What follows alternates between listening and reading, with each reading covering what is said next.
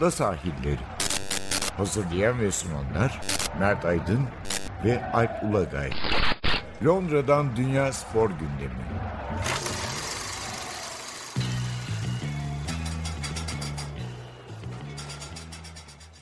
Ada sahillerinden merhabalar. Ben Alp. Ben Mert Aydın. Bugün ne konuşacağız? İlk bölümde biraz böyle hafta sonuna gideceğiz. Geçen hafta sonunda böyle bir özellikle pazar günü spor dünyası için bir sakarlıklar, beceriksizlikler günüydü belki. Yani oraya bir uğrayacağız. Yani tenis, bisiklet falan hepsine böyle bir bakarız. Belki bir e, UEFA Avrupa Ligi de yaparız. Uluslar Ligi pardon Avrupa Ligi demişim. Liglerden artık hepsini karıştırıyorum. İkinci bölümde de bir Premier Lig'e geçeceğiz. Yani bu hafta sonu birçok Avrupa Ligi gibi Premier Lig de dönüyor. Yani gerçi bir programa sığmaz Premier Lig e, tahminleri Artı, ama tam da başlayamıyor yani yine eksik maç var. evet yani şey e, Avrupa Kupası maçları geçen sezon Evet. Avrupa Kupası maçları sarkan takımlar evet. e, şey ilk hafta raporlu. Yani ilk hafta 10 değil 8 maç var. Bunlar e, bir hafta geç başlayacaklar galiba değil mi?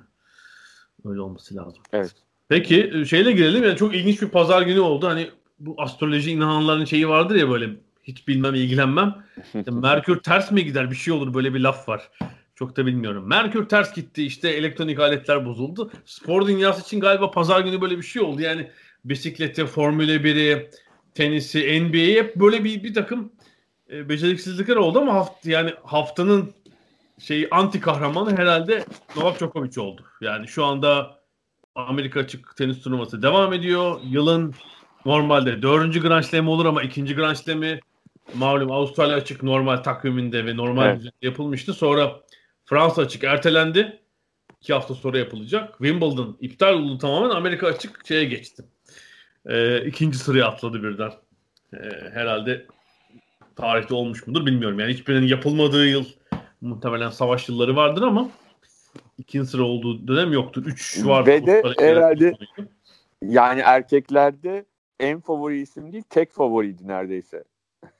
Novak Djokovic. çünkü hem erkeklerde hem kadınlarda mesela e, birçok Avrupalı, e, Avustralyalılar şeye bu New York'a gelmediler. Yani seyahat endişesi, e, sağlık endişesi, Covid-19 yüzünden onları New York'ta görmedik. İşte eş parti, Federer zaten sezonun bu yarım yamalak geçeceğini öngörüp diz ameliyatı olmuştu. Yani o sezonu çoktan kapatmıştı. Nadal gelmemeye karar verdi. Erkeklerde dediğin gibi meydan Djokovic'e kalmıştı. Yani bu yıl.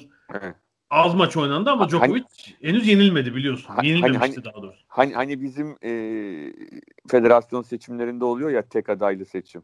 Bu da tek favorili turnuvaydı ama tek favori de gitti.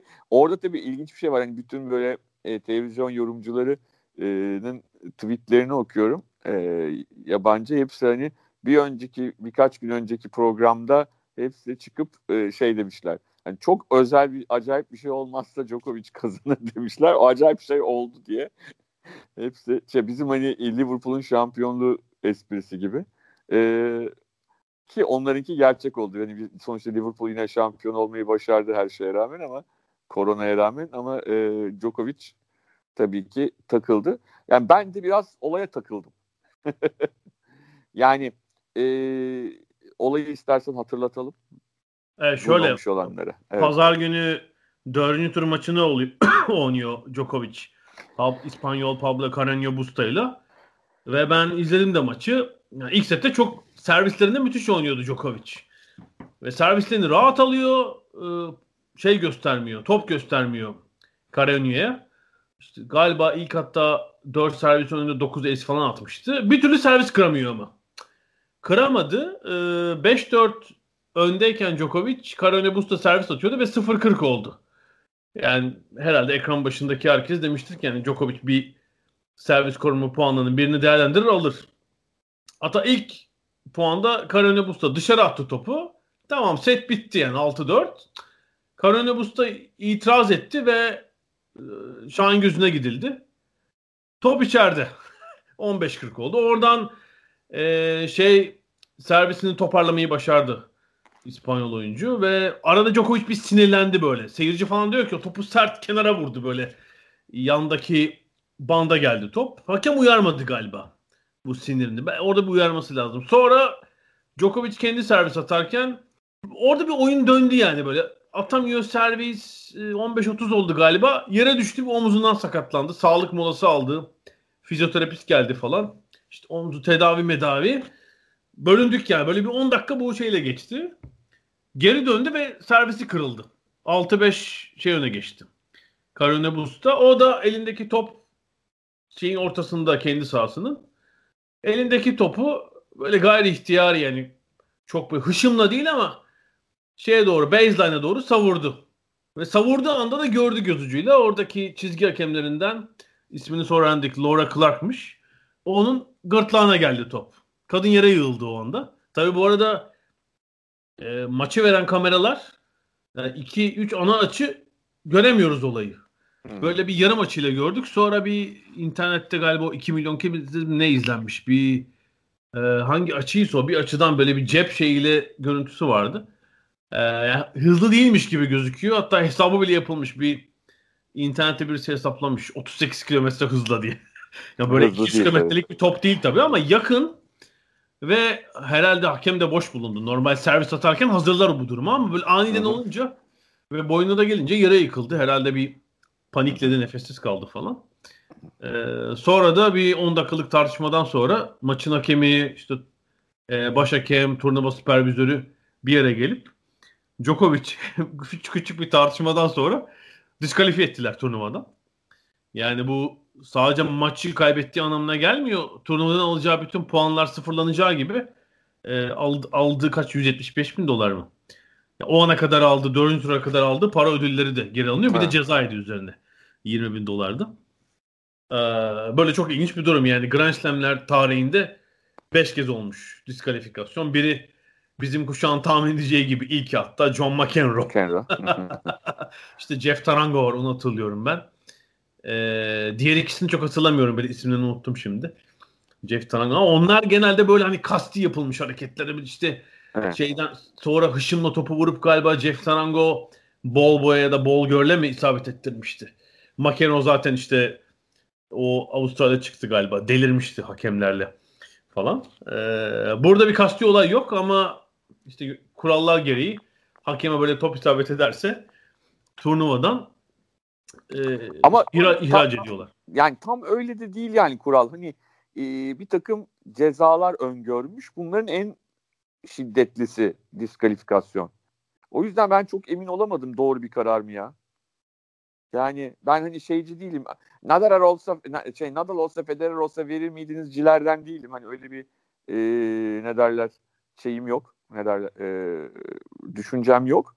Sadece hani kızcağızın e, kadıncağızın e, hani boğazına gelmesi tabii çok kötü bir şey. Ama hani boğazda bir dizine gelmiş olsa e, bu cezayı verirler miydi emin değilim sanki ya. Ama dizine gelmedi işte boğazına geldi. O, ayrı yani... mesele. Hayır ayrı mesele. Yani sonuçta şu anlamda söylüyorum. Hı. Orada önemli olan bu adam bunu kasti mi yaptı, e, şey mi yaptı? Yani ben ceza verilmesin demiyorum. Bu arada yanlış anlaşılmasın yani. Hı hı. O, Sen o, ceza ceza ihraç olmasın diyorsun yani ha, değil mi? Yani, Olmamalıydı. Yani at, uyduruyorum ben. Hani oradaki ceza şeyi nedir bilmiyorum. Hani puan var, sayı var, işte e, hani ana e, ihraca kadar giden bir şey var. Hani ihraç olmasın sonuçta yani bu sadece hani Djokovic ile ilgili olarak da söylemiyorum. Yani sonuçta bu adam bunu kasti bir şekilde yapmıyor ya da şöyle diyelim. Hani şunu diyebilirsin kardeşim dikkatli olması lazım. Arkada birileri var. Hani dediğin gibi böyle dönüp don diye smaç vurur gibi e, üstlerine atmış değil. E, bana biraz yani ne bileyim yani birileri çıkıp bunun doğru olduğunu söyleyebilir, e, iddia edebilir, haklı da olabilirler kurallara göre ama yani benim içime sinmedi öyle söyleyeyim. Açıkça söylemek gerekirse. Yani bir ceza gelmeli ama hani o ceza turnuvadan ihraç çok çok çok ağır bir ceza ya. Yani atıyorum şimdi Djokovic onu yapmayıp hakeme gidip hakemin boyun, boğazına sarılsa, yere atsa, kafasında tepinse tabii değil mi? Yani düşün hakemin üstünde tepiniyor. Cezası ne olacak sence? Sen bayağı Amerikan hapishanelerine falan attıracaksın adamı. Ya onun dışında sportif cezası turnuvadan ihraç olmayacak mı zaten? Evet. E bunun da ihraç bir acayiplik yok mu yani? Ben de benim tersime de benim de çok içime sindi. Yani ben bu e, mesela hak arama. Seni, se- işte seni bunu- Djokovic şunu- evet pek sevmiyorum açıkçası. Sevmediğimi söylemem lazım. Çok takdir ediyorum ama mesela yani Maradona ile Michael Jordan'ı pek sevmiyorum. Ama sportif Ama yok ya piramitte şimdi Maradona ile Djokovic'i de karşılaştırmak ayıp olur ya yani. ya karşılaştırılabilir canım. Kendi sporlarındaki yerleri aşağı yukarı yakındır yani. Ee, ama yani pira- piramitteki yerleri çok yukarıda. Yani Djokovic de yani Evet. Gelmiş geçmiş en büyükler arasında bir yere koy desem çok çok tepede olur. Hatta belki önümüzdeki 2-3 yıl en büyüklerden biri olacak ama yani antipatik olmayı hep garantilemiş birisi her zaman. Hele bu yıl yaptıklarıyla ben e, kesin bir anti kahraman da demeyeyim yani. Antipati kralı olmayı garantiledi. Yani bu aşı karşıtı lafları falan yani zaten olacak iş değil hani. Ya onlar ayrı mesele. Böyle bir- yani böyle ben bir hani geri kafalılık bu, olamaz. bu Bunu- olaya odaklanıyorum. Ee, burada da şu var yani bu futbolda, basketbolda, teniste görüyoruz. Yani bu büyük sporcuların bu kendi güçlerini, ünlerini, bu hakem kural konusunda bunu çok istismar ettiklerini görüyoruz. Yani çok güçlerini kullanarak hakemi ezmeye kalkanlar, e, çitilemeye kalkanlar. İşte daha önce teniste de oldu. Serena Williams da yaptı. E, o yüzden iyi oldu. Güzel bir ders yani. Ya vurmayacaksın o topu sen. O hakim olacaksın. Atma topu kenaraya. Oynayamamışsın işte. Zaten orada bir sakatlık molası almışsın. Oyunu yavaşlatmaya çalışıyorsun. Djokovic'in bildik taktiği. Yapma kardeşim. Ya sen favorisin burada. Ee, güzel bir ders oldu bence. Çok e, şey bir ders Şey oldu. oldu mu emin değilim ben ya. Yani çünkü Yok yok oldu oldu. Güzel oldu. Şey oldu. Ee, Ya yine de ben hani tamamen Hı. isimlerden bağımsız olarak söylüyorum. Ee, bana ağır geldi. Şunu da söylüyorum. Hani sen diyorsun ya kenara da vurdu. Keş yani o kenara vurduğu top bilmiyorum belki uyarılmış olsa e, ikinci işte birinci uyarıdan sonra onu yaptı diye böyle bir şey olabilir. Yani ben sadece şu kısmındayım. Bu adamın attığı o top şey, yani bak, savunmak için söylemiyorum adamı sadece. Ben ceza alması yanlısıyım onu söyleyeyim.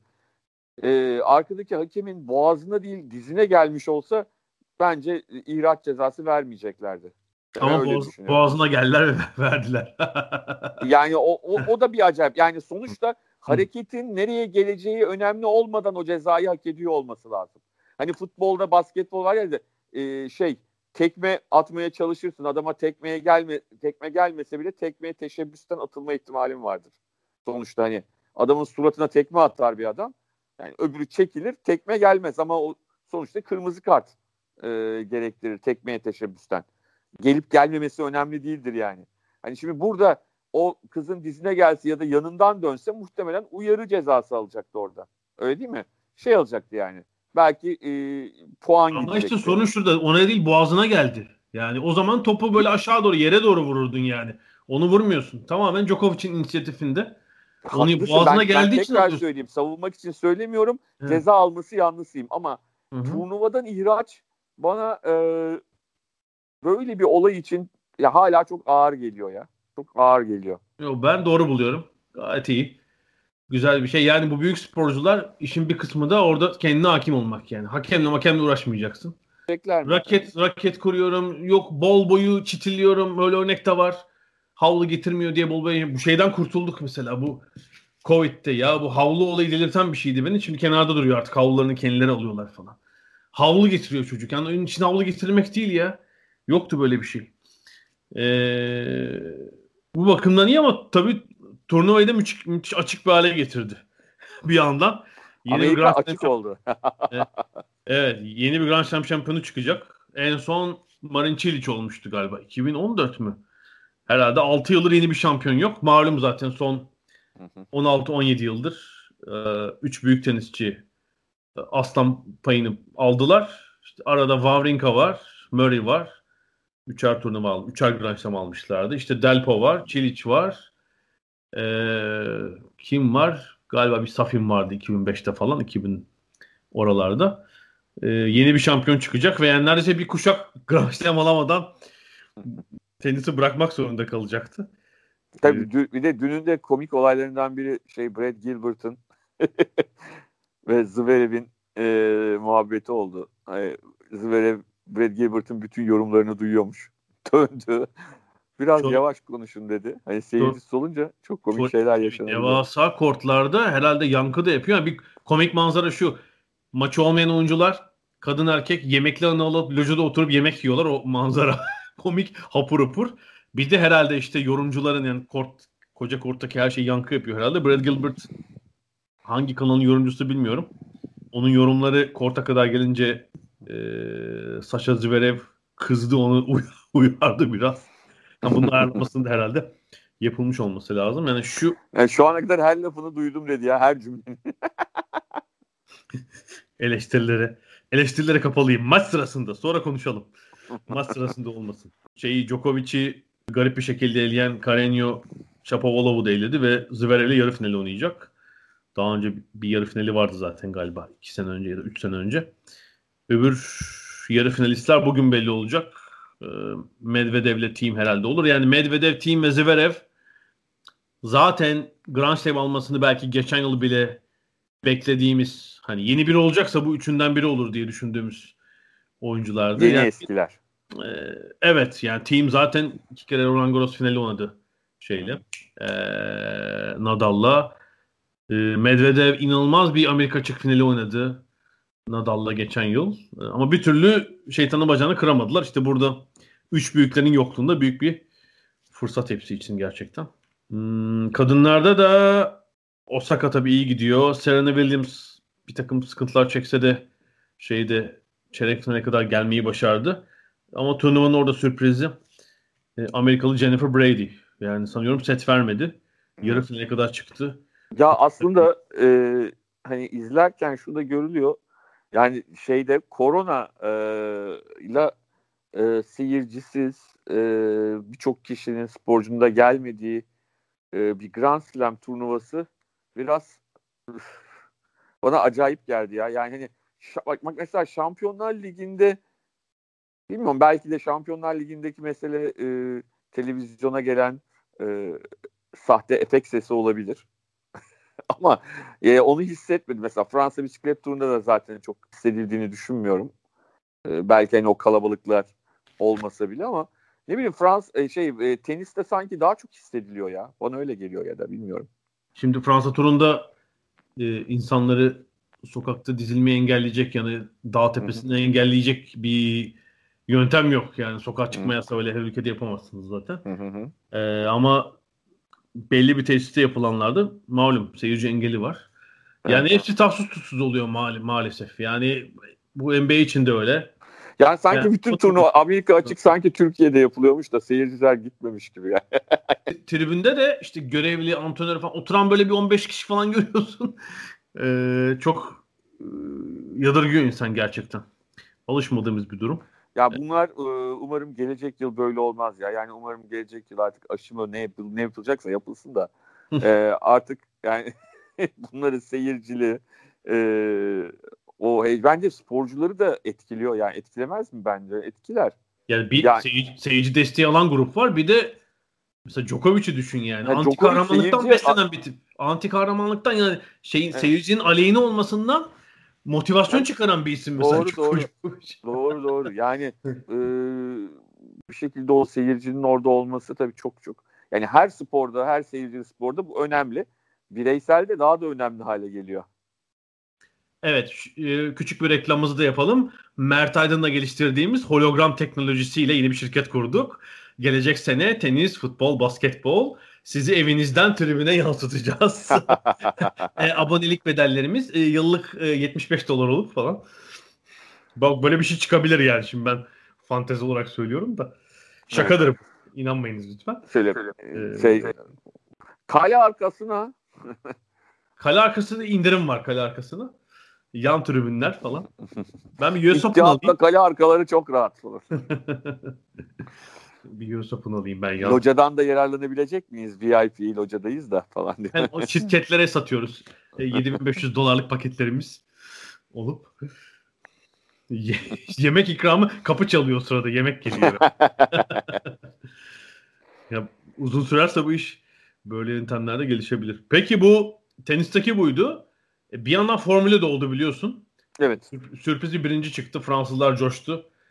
ee, Pierre Gasly e, ilk kariyerinin ilk Formül bir yarışını kazandı ve 24 yıl sonra galiba bir Fransız kürsünün üst basamağında.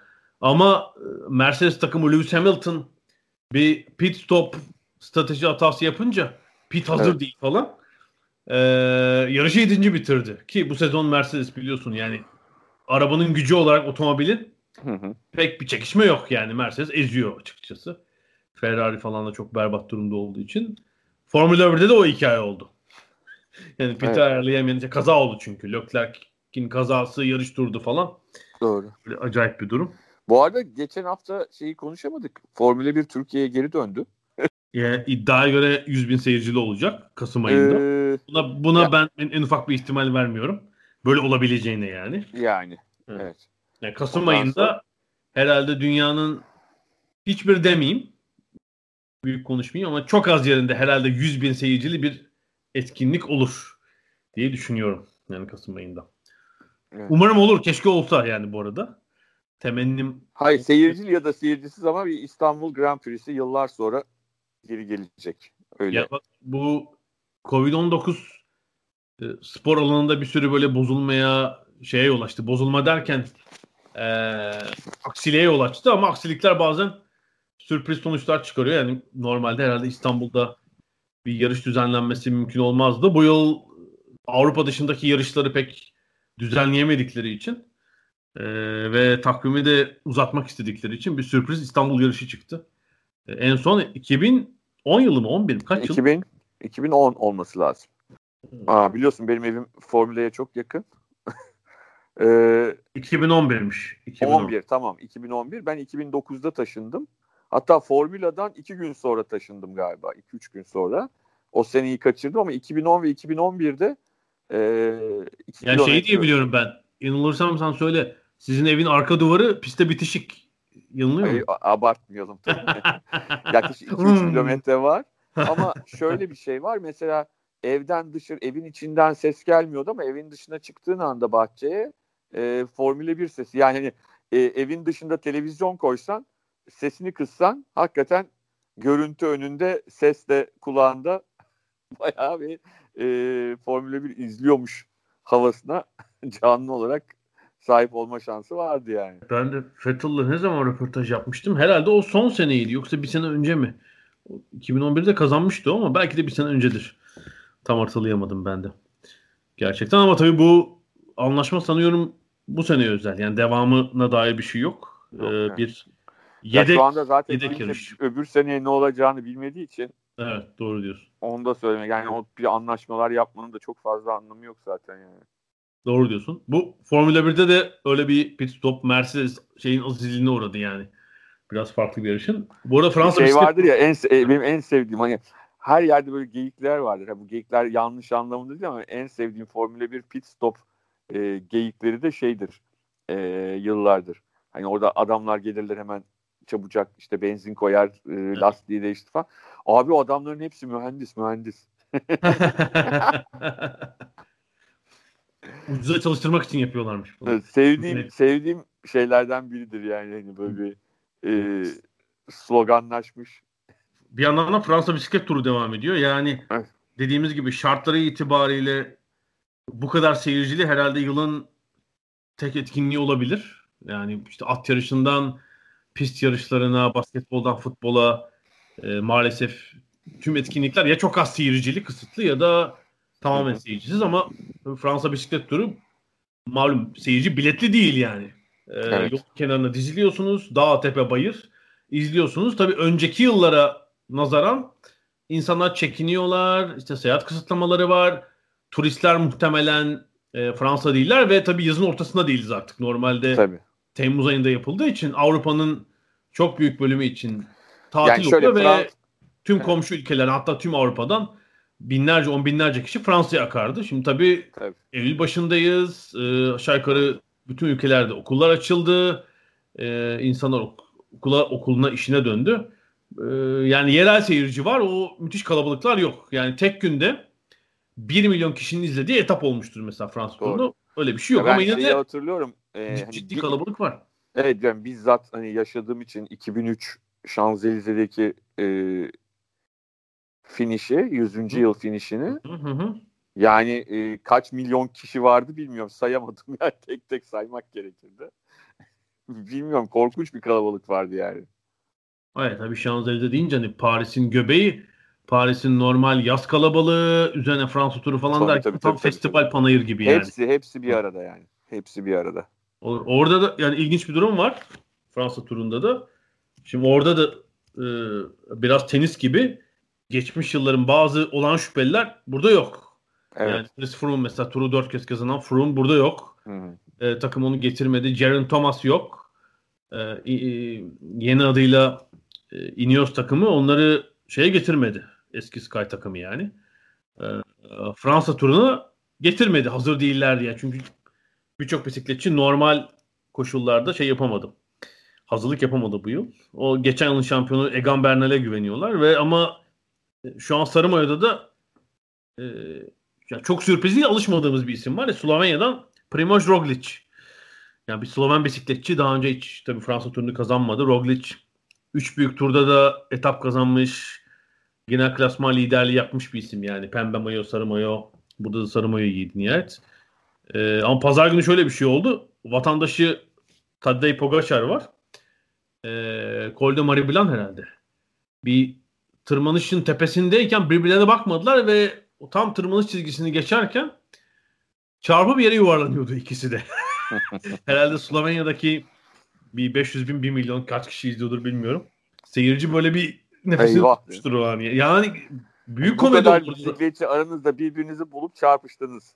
İkisi de biri soldan biri sağdan arkalarına bakıyorlar. Ya sen önüne bak bir kere. Yani zaten bir, bir de yani finish çizgisi değil orası. Zirveye ulaşmışlar. Sonrası inişe geçecekler. Hani böyle bir rahatlama anı.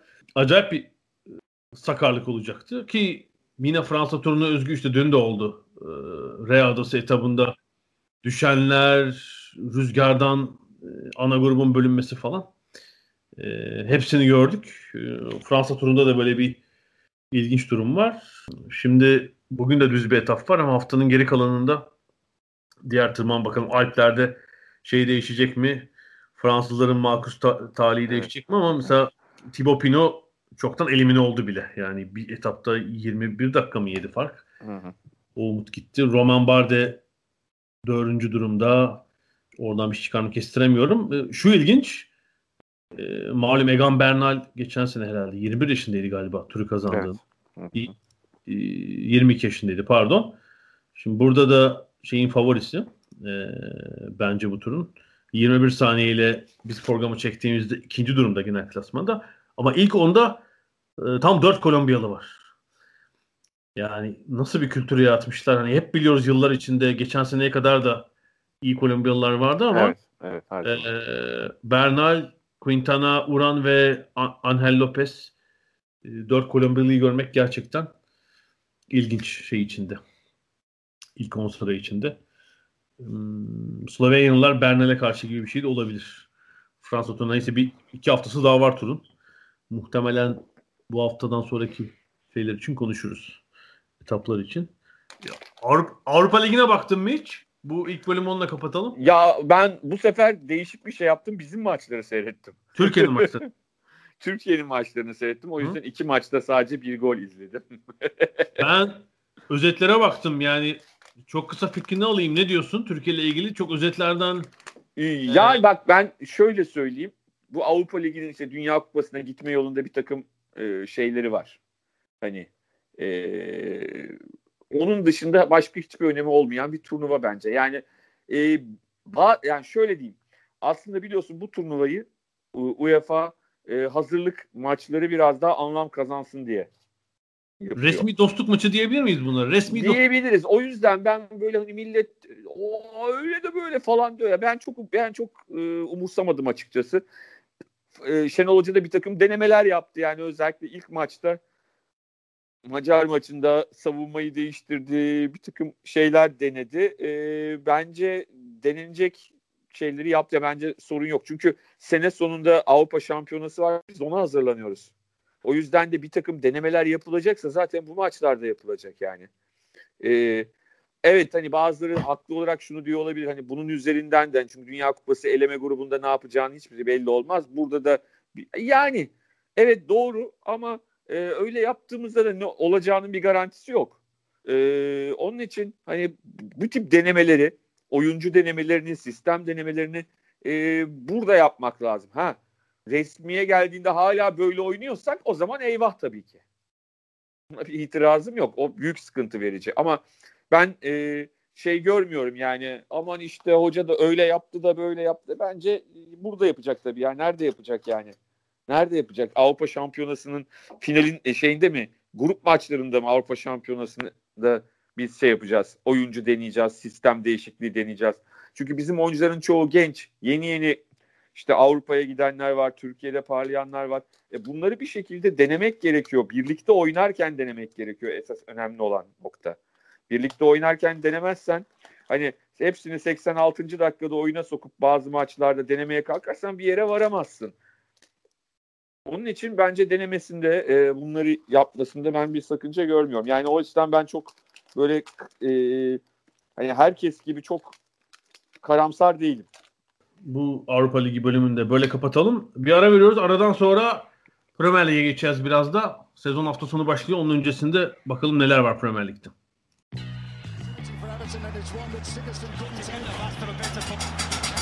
Ada sahilleri.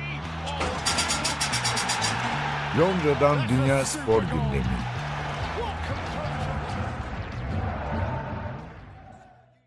Ada sahiline devam ediyoruz. Şimdi Premier Lig konuşalım. Premier Lig'de gecikmeli sezon Cumartesi günü başlıyor. Fulham Arsenal maçı açıyor. Ardından Crystal Palace Southampton, Liverpool Leeds ve West Ham Newcastle maçları var. Pazar ve pazartesi günü de ikişer maç oynanacak. Manchester United, Manchester City ve sezonu biraz geç açacaklar. Yani bir sonraki hafta oynayacaklar ilk maçlarını. Yani sezonun öncesine bakarsak tabii transfer dönemi de geçen sene Ağustos'un 15'inde biten transfer dönemi şimdi Ekim'in başına uzadı.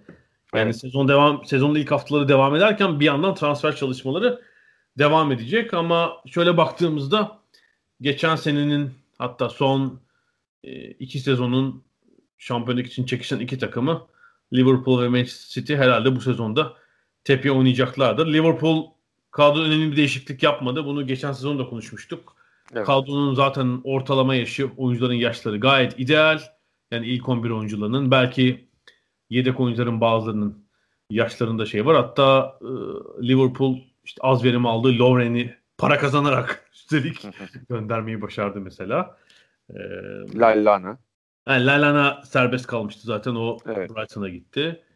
E, ama yani ana ekibe ilk 11'i değiştirecek bir oyuncu transferi henüz yok bir sürpriz olmazsa. Yani bir stopere biz bir oyuncu düşünüyorduk. Hani Van Dijk'ın yanına böyle bir esaslı bir oyuncu alır mı Napoli'den Kulibali diye ama Liverpool biliyorsun böyle transferde de son yıllarda sürprizleri seven en azından herkesin göz önünde olan vitrin oyuncuları değil de kendi bir takım analizlerine göre transfer eden bir takım açıkçası. Yani öyle bir şey de gelebilir. Sürpriz de gelebilir ama bu kadronun bu sezonu taşıması çok normal. Belki bir sezonda. Yani gelecek yaz belki değişiklikler olabilir. Mesela Daha Wijnaldum... hareketli bir Liverpool izleyebiliriz. Evet de. yani Wijnaldum'da sözleşme yenilemediler. Yani şey sürpriz olabilir yani Eylül'ün 20'sinde Wijnaldum'u biz Barcelona'ya yolladık. Bir oradan 25 milyonu kaptık e, diye bir şey gelebilir. Açıklama gelirse şaşırmam ama yerine birini tabii koymaları. O 25'in üstüne bir 70 koyarak falan 95'e. kadroya tek ekledikleri oyuncu yedek sol bek. Evet. Kostadinos Çimikas Yunanistan'dan. Yani Robertson yedeklemek için o da bir ilk 11 oyuncusu değil ama e, Liverpool çok iyi bir yerde bırakmıştı zaten. Muazzam bir sezon geçirmişlerdi. Sadece geçen sezonki puan şeyine ulaşılır mı? Onu diğer takımları konuşunca göreceğiz. Evet. Ee, ben öyle olacağını zannetmiyorum. Evet yani öyle 95'ler, 100'ler bu sene olur mu? Bu diğer takımın yapacağına bağlı. Burada tabii, en tabii. büyük faktörlerden biri herhalde Chelsea olacak. Doğru. Çünkü Roman Abramovich yıllar sonra kesenin ağzını açtı bir kez daha. Yani evet. transfer yasayla geçen Acaba şey bak sonra... düşünmüyor değilim. Ee, takımı yeniden parlatıp satmayı mı düşünüyor acaba? Ya İyi tabii. paraya. Bundan 6 ay önce bile şey konuşuluyordu yani. Geçen seneyi bırak hani yılın başında acaba hala satar mı? Satmaz mı? Böyle bir şey var mı? Ben e, The Guardian'ın Londra muhabirlerinden Jacob Steinberg'le bir röportaj yapmıştım. Onu Chelsea'yi konuşmuştuk. Yani orada şey de demişti. Yani Chelsea'nin özellikle 2000 2003 2004 2015 dönemini hatırlarsın yani. Birçok yıldızı aldılar. Evet. Dünya yıldızını. Yani Shevchenko, Balak. Bir kısım oyuncu da hani yıldız adayı olarak gelip müthiş oyuncular oldular. Yani işte Drogba'sı, Lampard'ı Evet. vesaire ama işte Robben'ler falan da geçti mesela çok çok verim vermeden. Evet. Ya, kadro olarak acayip isimler vardı Chelsea'de ama yani son 2-3 yılda o seviyede olmadığını belki Azar dışında o seviyede olmadığını görebiliyorduk Chelsea'nin. Yani bir isim isim baktığımızda zayıflayan Chelsea bu açığı kapatmak için herhalde kendi transfere verdi. İşte Werner'i aldılar. Ziyech'i almışlardı kışın. Ee, açıklamadılar ama herhalde Leverkusen'le anlaşmak üzereler. Kai Havertz herhalde bir 100 Havertz milyon, evet. 100 milyon sterlin mi euro mu? Feci bir rakama herhalde o transfer e, olacak. E, defan, savunma lideri olarak bedelsiz Thiago Silva geldi. Paris Saint Germain'in kaptanını aldılar sözleşmesi bittiği için. E, böyle bayağı bir kadroya şey yıldız şey hem de tecrübeli bir takım oyuncular var. Genç yıldızlar var. Ee, bir karma yapmak istiyorlar ve de Lampard için büyük bir test olacak. Geçen yıl genç oyuncularla e, öyle bir kadro olduğu için de bir hoşgörüyle bakıldı ona. E, öyle bir kadroya sahip olduğu için de e, bir e, kupa finali oynadı ve ligi ilk dörtte bitirdi. E, ama bu sene bu, bunlar kesmeyebilir tabii. Bu kadar para harcandıktan sonra. O yüzden onun da e, bu yeni gelecek yıldızlarla nasıl bir e, oyun ortaya koyacağı önemli. Senle e, sezonu bitirmeden de konuşmuştuk. Ben kader adamının olumlu ya da olumsuz Ziyech olacağını düşünüyorum. Yani çünkü e, tam yani Werner çok iyi bir oyuncu e, gelirse Havertz çok çok büyük katkıda bulunacak. Bunlara hiç itirazım yok. Ama Ziyech hani bu, bu takımı bir üst seviyeye atlatabilmek biraz daha e, o tarz bir oyuncu gerektiriyor. Ziyech tarzı bir oyuncu. Ama Ziyech bu e, ortamı kaldırabilecek mi? Bu takımın lideri olabilmeyi, oyun lideri olabilmeyi kaldırabilecek mi? Bunlar bence e, Chelsea'nin ligdeki durumunu belirleyecek. Öyle düşünüyorum ben. Ya sol beke de Ben Chilwell aldılar bu arada çok beğendiğimiz Leicester'ın sol beki o da geldi. Yani hem savunmaya hem orta sahaya hem forvete. Yani tabii şöyle bir şey gelecek sezon geçen sezon önemli sezonun önemli bölümünde takımı taşıyan e, bir takım genç gelecek vadeden oyuncuların e, tamamen geriye düşmesi anlamına geliyor. Yani yeni transferlerde hani bir sakatlık, bir formsuzluk, Premier Lig'e uyumsuzluk olmazsa şu yani Mason Mount, işte e, Tammy Tammy Abraham falan bu sezon ancak böyle kupalarda falan forma yüzü Ben görüyor. Mason Mount'un yine zorlayabileceğini düşünüyorum ya. Yani sanki Abraham'ı bilemiyorum. Abraham e, günü gününü tutmayan bir oyuncu olduğu için çok e, şey yapamıyor ama Mason Mount'tan bence sanki daha çok yararlanacak gibi. Yani şey anlamında değil hani e, her maçta ilk 11'de izleyeceğimiz oyuncu olmaz ama bence senin dediğin şeye de girmez. Yani sırf kupada oynayan oyuncu onun çünkü Şampiyonlar Ligi falan da var. Bence onları e, özellikle Mason Mount'u bir şekilde kullanacak diye düşünüyorum. Ha Mount e, onlar da istenileni veremezse tamam o zaman o hale düşer. Kupa oyuncusu haline düşer ama ilk etapta onu bence küçük grupta 15 ilk 14-15 kişilik grubunda e, oynatacak yani düşünüyor gibi geliyor bana. Bana da bu Havertz gelirse hele bu transfer olursa işte Hı hı. 100 milyon euroya İşte orada Mount'un bunu e, e, na- nasıl reaksiyon göstereceği önemli. Yani Mount buna iyi bir reaksiyon gösterir, hırs yapar, farklı bir şeyler ortaya koyarsa o zaman e, hani ilk 11 oyuncusu olmasa bile o ilk 15'in ilk 16'nın oyuncusu olabilir, kalabilir. Ama eyvah Havertz de geldi ben ne yapacağım olmaz böyle iş derse o zaman dediğine döner. Sadece işte şeyle neydi Peterborough United'la oynanan e, lig kupası maçında oynar yani. O maçta Yani şu ara yapar. şöyle Evet. yani yerleşim olarak hem Havertz hem yani geçen seneki şeyi dizilişi çok değiştirmezse şöyle yani dizilişte hem Havertz hem Mount hani şey olur tabi. İki ofansif oyuncu güzel bir ilk 11 olur ama buna çok sık cesaret eder mi? Emin Yok birlikte oynay- Kante, oynayabilirler. Ama Kovacic- yani işte düşünsene bazı biliyorsun İngiltere'nin kendine has dönemleri oluyor ya. Yani Şampiyonlar Ligi de var işin içinde. O da var, bu da var üst üste. İşte birkaç günde bir sürü maç oynamak zorunda kalınan dönemlerde de e, bunu kullanabilir diye düşünüyorum. Bakalım yani e, ama her şey oyuncuda bitiyor. Sen de biliyorsun. Yani e, hocanın kafasında ne olduğundan çok oyuncunun reaksiyonu, çabası, e, yeteneklerini geliştirme isteği e, bunlar çok çok kritik. City ile ilgili bir şey. City tabii Natanake'yi aldı. Savunma. Evet, Yani bir türlü Pep Guardiola'nın çözemediği bir savunmanın göbeği meselesi var. Yani oraya kimi alsa istediği verimi elde edemedi. Ya da Ee, sakatlanıyor. E, yani Laporte ya sakat, verim alamıyor ya sakatlanıyor. e, Stones istediği oyuncuya dönüşemedi bir türlü. İşte bir stepne olarak Fernandinho'yu kullandı falan ama herhalde istediği Natanake geldi. İşte şimdi Kulibali transferi bir kez daha konuşuluyor. Yani Napoli'nin artık onu elden para kazanmak için elden çıkaracağı konuşuluyor. Yani bir transfer hamlesi de görebiliriz. Bu belki de Premier Lig'in ilk haftası oynadıktan sonra. Öyle bir hamle olabilir. Bu arada biz Messi'yi konuşmuştuk. Messi hamlesi şeyi çıktı bir gözüküyor ama sular orada yatışmış değil bence. Ee, Yani Messi idmana çıkıyor falan ama öyle sözler ederek şey yaptı evet, ki yani. evet, evet. Döndü Yani ki. şeydi de Türkçe başkan adam değil. ben de kalıyorum. Yani sezon sezon öyle geçer mi bilemedim. Bu kadar böyle kılıçları çekmiş haldeyken. Neyse görelim. Yok yani şu anda sadece bir e, bence fırtına öncesi sessizlik oluşturdu yani. O orada e, çok acayip şeyler olabilir.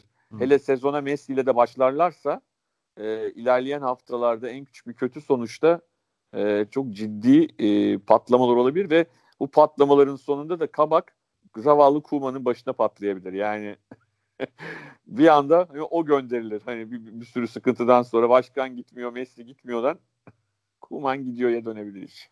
E, oraya onu şey olarak koydular böyle güvenlik bölgesi olarak. Tampon. Tampon olarak koydular ama Kolay bir iş değil o tampon abi. Yani Messi ile Barcelona başkanı arasında tampon olmak için hani diplomasi konusunda tecrübeli olmak gerekiyor fazlasıyla. Oraya Kuman yerine işte ne bileyim İspanya'nın eski e, Amerika Büyükelçisi falan hani öyle birini getirseler sanki daha sağlıklı olacakmış gibi geliyor bana. kesin gel gelsin. Ee, şey e, yani şundan dolayı söyledim. Bir e, gizli pazarlık döndüğü de Hı. hala söyleniyor. Yani Cit- Evet. City'nin 200 milyon euro teklif ettiği.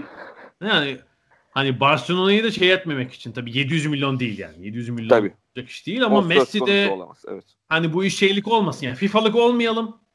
Messi'nin de isteği odur yani. Şimdi yetiştiği Abi maaşından kurtulacak falan. Evet. Yani onun hesabı tabii bir yandan yapılıyor. Taraftar olduğu kulüple şey olmak istemez. Yani bu çok tatsız olur. Tabii yani Ama işte- bence o mutlaka bir şekilde sonuçta hayatını yine Barcelona'da geçirecek. Yani e, futbolu bıraktıktan sonra da öyle görünüyor. Başka Muhtemelen. bir evet. ülkeye gideceğini zannetmiyorum. Aç şimdi ayrılsa bile yani. Bir sürpriz hamle küçük de bir ihtimal olarak hala olabilir mi diye kafamda var. Neyse City'nin tabii bütün olabilir. sezonu değiştirecektir ama işte en son meslektaşlarının da şey seçtiği, sezon oyuncusu seçtiği De Bruyne e, zaten takımın büyük kozu. İşte belki Foden biraz daha ön plana çıkacak. Göreceğiz. E, Manchester United ilginç. Onlar bir hani ben hep bir santrfor alsınlar diye düşünüyordum. Bir Van de Beek hamlesi yaptılar. Evet.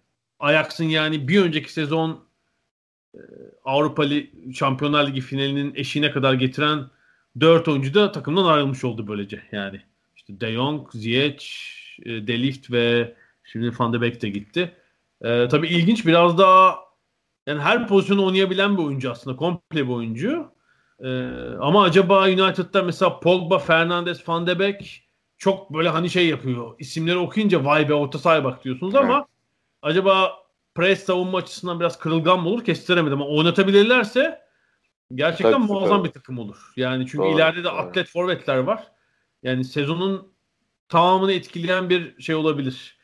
Hamle olabilir. Yine de fazla cesur buluyorum ya bugünün futbolunda. Orada bir hani 6 numarada işte e, Matis gibi bir e, bir duvarın olması bazen şey olabiliyor, gerekli olabiliyor. Sezonun tamamı öyle oynadığını bilemedim ama tabii e, hani şunu da düşünmek lazım. E, süre olarak kısa, maç olarak yoğun bir sezon olacak. Evet. Yani şunu düşünelim. E, Avrupa Ligi ve Şampiyonlar Ligi'nde grup maçlarında arasında ara yok.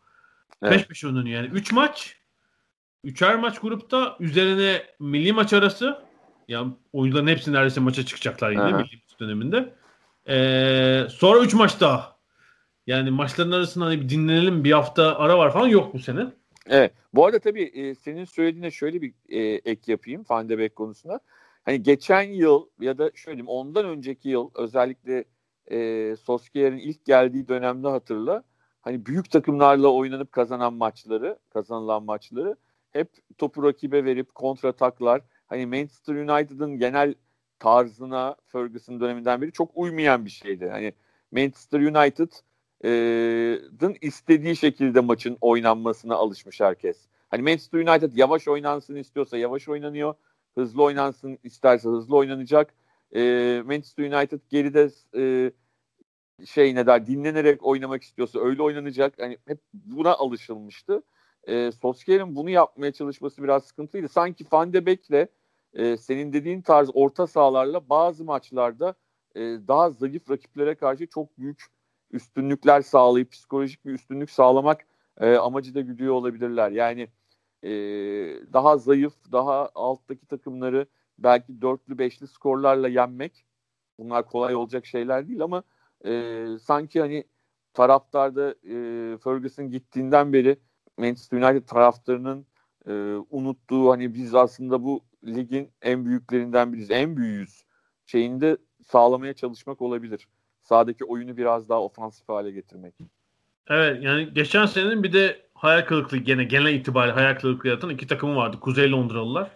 İlginç yani onların da bu sene daha iyi oynaması ligdeki rekabet ve çekişme açısından çok Ki Arsenal aslında çok olacak. ilginç. Hani hayal kırıklığı diyoruz haklı olarak belki ama diğer taraftan da hani seneyi iki kupayla kapatan başka takım var mı? Daha doğrusu bir seneyi bir takım bir kupayla kapattılar, öbür seneye de kupayla başladılar. yani aslında kağıt üzerinde bunu söylediğin zaman e, hayal kırıklığı ve başarısızlık çok şey geliyor, garip geliyor ama tabii ligdeki performans e, üzerine konuşmak lazım ya da bu kupalar kazanılırken sahaya da ortaya konulan performans belki. E yani oyun hayal kırıklığı bir de ligdeki fark tabii. Yani böyle 40 puan falan Evet. fark yemek şampiyondan e, olacak olacak iş değil açıkçası. Yani iki takımın da alıştığı yerler değil. E, Arsenal yani çok anlayamadığım şekilde Willian'ı aldı. 3 yıllık sözleşme yaptılar. Yani hani Mesut Özil'in kontratından kuluş- ku- kurtulmaya çalışıyorlar. Willian geçen sene iyiydi. Bir şey demem. Ama yaşı itibariyle 3 yıllık sözleşme bence biraz garip ve yani Arsenal'ın problemi forvette değil. İşte Ceballos e, tekrar kiralandı. Real Kiralandı evet. Bence o çok iyi iş. Çünkü hani o iki yönlü oyuncu. E, Lille'den Gabriel geldi savunmaya. Yani Arsenal'ın problemi neydi? Yani savunmadaki ikili üçlüyü belirleyememek. İşte orada güven veren oyuncu yok. Bir de orta sahada işte çift yönlü kim oynayacak? Hani gözden çıkarılanlar var. Mesela hala bir yere yollamadılar ama Lucas Torreira ve Genduzi Evet. herhalde çok istemiyor şey. Ee, Arteta. Onları bir yani bir şey değeri de var yani piyasa değerleri de var. Ee, herhalde Mesut Özil'i yazlık maçında oynattılar ama herhalde Mesut Özil'i de ilk 11'de düşündüğünü pek zannetmiyorum yine. Onun artık sözleşmesinin bitmesi beklenecek. Arteta'nın sürprizi kendisi olacakmış. Kendisini oyuna sokacak. e yani ondan yaşlı oyuncu kaldı mı ya? Şeyi de bıraktı. Gerrit Berry de bıraktı. Bilmiyorum şimdi 38 yaşında. Şey alt liglerde vardır. Geçen sene 40 yaşında oyuncu falan vardı da Premier Lig'de yok herhalde artık. 82'li hani Emre. Belezoğlu'nu transfer edeceklermiş. Bir de Coutinho ismi geçiyordu.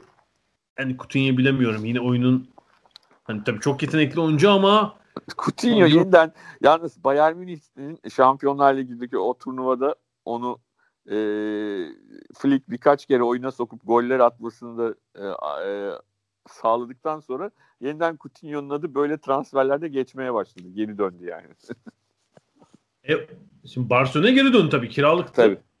Barcelona onu herhalde çok istemiyor. Müthiş de bir para harcadılar. İşte herhalde e, 100 artı 40 milyondu yani.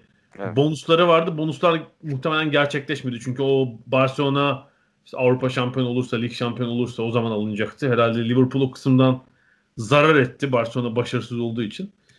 Ee, ama genel itibariyle pek verimli olamadı yani.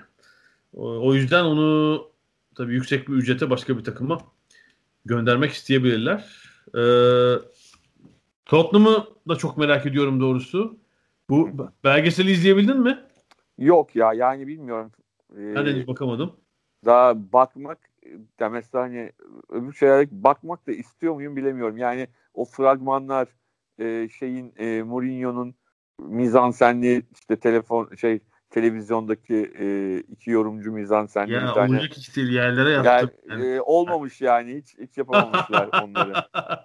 Gerçekten çok komik. Keşke gerçek bir şey olsaydı ona yapsaydı ona itirazım olmazdı yani çok mizansen olduğu belli yani hani şey hani sonuçta e, Jose Mourinho da hayatını aktörlükle kazanan bir adam değil yani. Hani onun da orada iyi rol yapmasını falan beklemek çok sağlıklı bir şey de değil. Yani şöyle diyeyim aslında diyaloglar çok güzel. O e, mizansende.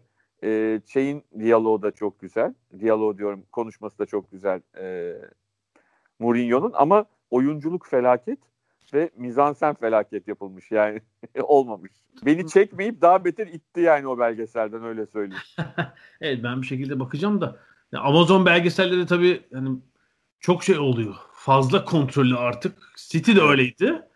Ama işte bir tabii işleyişi de bir mekanizmayı da görüyorsun takım kulüp için. Tabii tabii yok yok o anlamda tabii ki önemli. Önemli yani tabii ki e, dediğin gibi kontrollü, bilinçli oldukları için ama yani mesela atıyorum hani o Kevin De Bruyne'nin e, Manchester derbisinde gol attıktan sonraki soyunma odasının hali kontrollü değildi. Kontrollü olamaz da zaten City soyunma odası. Yani Manchester United'da şampiyonluğu için çok kritik bir maçta Old Trafford'da yen, yendikten sonra e, soyunma odasını ya çocuklar biri de videoyla bunu çekiyor kontrollü olalım dememişlerdir yani. Zaten orada ters bir şey çıksa onu keserler ayrı mesele de. Hani o tip durumlarda zaten hani bir şekilde o heyecanı ortak olma şansı var. Bilmiyorum hep beraber göreceğiz yani ama dediğim gibi fragman bölümü, fragman kısmı e, beni tam tersine itti çekmek yerine. Ee, Tottenham'da bir sürpriz transfer var. Önce adresi şaşırdı. İstanbul'a geliyordu ama Joe Hart herhalde bu yazın en e, ilginç transferlerinden biri olurdu. Karagümrük'e Türkiye Ligi'ne gitseydi ama o yedek kaleci olarak e, Londra'ya gelmeyi Peki tercih etti. İngiltere milli takımı formasını giyip Türkiye'de oynayan kaleciyi hatırlıyor musun? Hmm, Carson mı? Evet. Scott Carson Bursa'da mı? Nerede oynadı? Bursa'da oynamıştı evet. Ve geçen sene biliyorsun şeyde City'de yedek bitirdi. Evet, evet evet. Bir de bir Fenerbahçe kupa maçıydı galiba. Acayip hatalı bir gol yemişti elindeki topu kaçırıp. e, Tottenham'da Southampton'dan Hoybier'i aldı. E, yani Mourinho'nun da sorunu o savunmanın önü e, hatta belki şeyin gitmesinden sonra e, Fertongen ayrıldı değil mi? Onun gitmesinden evet. sonra savunmanın göbeği de olabilir. Savunmanın göbeğini biliyor ama sağ beke sağ bek sorunu da var. Oraya Doherty'yi aldılar. Wolves'tan o tabii şey bir oyuncu. Evet. Bu arada Arsenal taraftarı olması e, evet. komikmiş onu tweetlerini silerken. Güzel klip. Abi çok iyi çok iyi şey olmuş o. Ne derler. Mesela o da çok güzel bir halkla ilişkiler çalışması. Yani Türkiye'de çünkü ya da dünyada e, bu tip konularda futbolcuların yaptığı biraz da iki yüzlülük e, onları tiye alan çok hoş bir şey Tabii tabii esprili yani. O gelmişken onu da söyleyeyim. Ee, hani bazı oyuncuların bunu yaparken mesela dün e, Twitter'da gördüm Sosa e, ne Trabzon ne Beşiktaş hiç e, birini silmiyormuş. Yani başka takıma giderken Fenerbahçe'ye geldi şimdi. Hala Trabzon'la yaşadıkları şeyde Instagram'da duruyormuş gibi. Normali de bu zaten yani. Bir de değil mi? Soza her gittiği takımda sevilen katkı veren oyuncu. Hani böyle şey ayrıldığı takım da yok herhalde değil mi? Yani kötü hani, kulüple tutmazsın da kötü ayrılırsın. Bir şey olur yani yabancısındır aslında tutmazsın falan ama yani bir anlaşmazlık olur paranı vermezler falan öyle bir şey de yok bildiğim kadarıyla. O yüzden. Yok ama yani hani silen çok gördük. Güzel. Ee, ilginç e, eklemeler yapan bir takım Everton aslında. Evet, evet. Onu yani, merak ettiğim takımlardan Alan, biri o. Alan ve James Rodriguez üçlüsü geldi. Orta saha 3 transfer. Yani geçen sene göreve geldiğinden beri Ancelotti orta sahada denedi denedi denedi bir sürü oyuncu kullandı. Bence istediği verimi alamadı ve 3 oyuncu birden aldı oraya o bölge. Yani Evet. forvet değil. Rodriguez'le o çalıştı değil mi Real Madrid'de? Şimdi bazen Evet. yıllar birbirine karışıyor. Aha, evet bir sezon bir sezon çalışmışlar. Şu- evet. 3 iyi oyuncu. Yani Hames tabii şöyle o 2014 Dünya Kupası biliyorsun muazzamdı. Tabii. Gol kralı. Zaten. Gol kralıydı. O Uruguay attığı gol unutulmaz ama ondan sonra hani beklediğimiz belki bir sezon oldu. Beklediğimiz Hames olmadı yani. Olmadı. Ee, çok daha etkili işte hani altın topun civarında dolaşan bir oyuncu bekliyorduk. O olmadı ama tabii acayip bir klas. Ancelotti'yi de tanıdığı bir oyuncu. Yani Ancelotti'nin en önemli özelliklerinden biri bu tip adamlardan verim alır. Yani e, hiçbir zaman Ancelotti'den işte çok büyük taktisyen, çok büyük bilmem böyle bahsedilmez ama e, enteresan e, şekilde çok yetenekli adamlardan verim almayı başarır. Eğer bunu da burada da yaparsa hani Everton en azından e, biraz daha üstler için e, Avrupa kupalarına biraz daha işte al, ilk 6 ilk 7 için mücadele veren bir takım olur. En azından yani Wolverhampton'ın so- şu son iki senede yaptığı kadar bir şey yapmaya yapması lazım Everton'ın. yani Ee, şöyle Elindeki imkanlarla, e, tarihiyle, e, Tabii. taraftar gücüyle. Yani Wolverhampton'a küçümsemek için söylemiyorum. O da çok e, ne diyeyim köklü bir e, kulüp ama yani şu iki senede Wolverhampton ligin en saygı duyulan e, takımlarından biri haline geldi. Yani şöyle Everton'ın sahibi de Ferhat Muşeri de para harcamak istiyor. Yani işte elbette ki bu ülke içindeki İngiltere içindeki e, fan- mali kurallar da var ama hani kesenin ağzını açmaktan çekinmeyen bir patron, kulüp sahibi. İki tane e, çok yönlü oyuncu yani iki yönlü oyuncu daha doğrusu Dukure ve Alan geldi. Önlerinde de gerçek bir on numara. Yani çünkü Sigurdsson'dan bir on numara olmayacağı çok aşikardı. İleride de iki agresif santifor var. Yani çok şey bir Everton görebiliriz. Yani yeni sezonun sürpriz takımı da Everton olabilir. İlk 6-7'yi zorlayan e, Leicester'ın, Wolverhampton'ın, Sheffield United'ın yaptığını yapan bir Everton olabilir. Bu transferlerle nihayet yani bekledikleri çıkışı belki de bu sezon yapacaklar. Göreceğiz. Çünkü onların bir şeyi de yok. Hani Avrupa fikstürü olmayacak. Sadece lige odaklanacaklar. Kupalarda hep tek maç. Replay falan da yok. Böyle bir sürpriz olabilir. Yani Wolverhampton'da burada transferler devam ediyor. Bir yeni şey Evet. üzerine tabii bu Mendes ilgisi çok matrak ya. Kendi oyuncularını o danışmanı ve ortağı mı diyeyim. Oğlu takıma satıp duruyor falan. Çok garip bir ilişki gerçekten. George Mendes'in bu şeyi ama şey tutuyor yani. Reçete tutuyor. İlişkiler Evet. garip. Reçete başarılı. Yani sonuçta zaten hani hedef önemli orada. Yani saçma sapan hedefler değil, e, takımın yapabileceği hedefleri yavaş yavaş yükseltebilmek ya da önce onları koruyabilmek bence Wolverhampton'ın doğru yaptığı şeyler. Yani Wolverhampton şunu da yapabilirdi. İşte şuradan Portekizli bilmem ne biz işte ilk dörde oynama peşindeyizle bu işe başlamadılar. Ee, onun için de bence yavaş yavaş doğru yerde durun, duruyorlar ve doğru şekilde ilerliyorlar. Ama tabii oradaki şeyi iyi bilmek lazım. Yani bu Mendes ilişkisi e, şu anda her şey çok güzel. Ama biraz kötü gittiği zaman nasıl sonuçlanacak? E, bazen biliyorsun hani mesela Porto falan da dışarıdan bize işte o ne güzel işler yapıyorlar diyorduk. E, işte o üçüncü sahipler şunlar bunlar yüzünden patladı. Bunların da bu Mendes ilişkisi benim kafamda hep bir soru işareti olarak kalacak. Mendes Evet tabii. Yani yani iki yıl sonra, bir yıl sonra Mendes'le ilgili başka bir sorun çıkar ve bunlar e, aynı transferleri yapamayıp dağın diye düşerler mi? E, bunlar, bunlar da e, kafamda deli sorular diyeyim.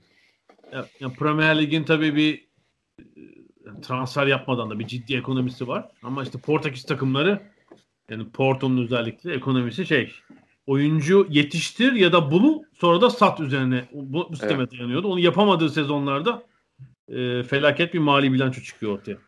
Tabii Peki. ama şöyle diyeyim hı. hani Wolverhampton'ın hiçbir şey olmadıysa çok değerli bir teknik adamı Avrupa futboluna tanıtmış oldu. Yani Santo Espirito hem e, Portekiz'den kimseye sataşmayan sakin sakin takımını yöneten bir adam çıkabileceğini de gösterdi hoca olarak kimseyle. Ya çünkü bugüne kadar hani tamam Mourinho çok belki e, en e, şey örneği ama hani onun dışındakiler de hiçbiri çok sakin adamlar değil yani hep böyle bir kavgacı e, şey hocalar e, Portekiz'den çıkıyor. Hani Santo Espirito böyle gayet sakin, relax çok da yumuşak bir ses tonu var. Ee, artı iyi top oynatmaya çalışan kendince bir formülü olan bir adam. Bence hani bu işten en karlı çıkanlardan birisi oldu. Yani Wolverhampton'dan ayrıldığında bayağı ciddi e, talibi olur diye düşünüyorum. Peki biraz fazla uzattık. Önce Evet. bir bölüm daha yaptığımız için ama hani Premier Ligi haftaya da yani hem maçları hem de Tabii maçlar oynandıkça da ne bileyim diğerlerini Crystal Palace'ından Newcastle'ına kadar konuşuruz zaten. yenileri bir mesela kadar. ligin yenisi Evet. Leeds United. Leeds. Tabii Liverpool Leeds of. Leeds United lige renk getirecektir yani. Çok sevilmeyen ama ligin köklü ve geçmişinde de başarılı olan bir takımı ve tabii acayip bir seyircisi var. Seyirci yokluğunda bakalım nasıl etkileyecek bu da onları. Ligin diğer iki yenisi de West Brom, e, Bilic'li West Brom ve Londra takımı Fulham. Bu arada Fulham'ın dün önünden geçtim. E, Fulham'ın stadında yan tribünler Riverside tribünündeki inşaat devam ediyor. Yani bu sezona yetişmemiş o herhalde e, gelecek sezona kalacak. Bayağı bir şey var gibi duruyor. Hala onlar yani 3 tribünle oynayacaklar bu sezon. Fulham'ı da biraz olumsuz etkileyebilir. Peki e, tamam diyelim bu haftalık değil mi? Hafta sonu maçları sabırsızlıkla bekliyoruz. Bu arada son not e, dünya için bile ama Premier Lig'de bir süre daha seyirci olmayacağı için Eylül ayındaki tüm maçlar tüm maçlar ülke içinde naklen yayınlanacak. Evet, Normalde bu evet. yapılmayan bir şey. Yani 380 maçın e, her sene değişiklikler olmakla beraber 240-260 kadarı naklen yayınlanıyordu. Cumartesi 3'teki maçlar kesinlikle naklen yayınlanmıyordu ama bu seyircisiz sistem e, en azından bir süre daha maçların tamamının yayınlanması sonucunu beraberinde getiriyor. Böyle bir imkan olacak taraftarlar için. İyi Bu haftalık bu kadar Hep diyoruz. beraber izleyeceğiz. Evet, gelecek haftaya kadar görüşmek üzere. Görüşmek üzere.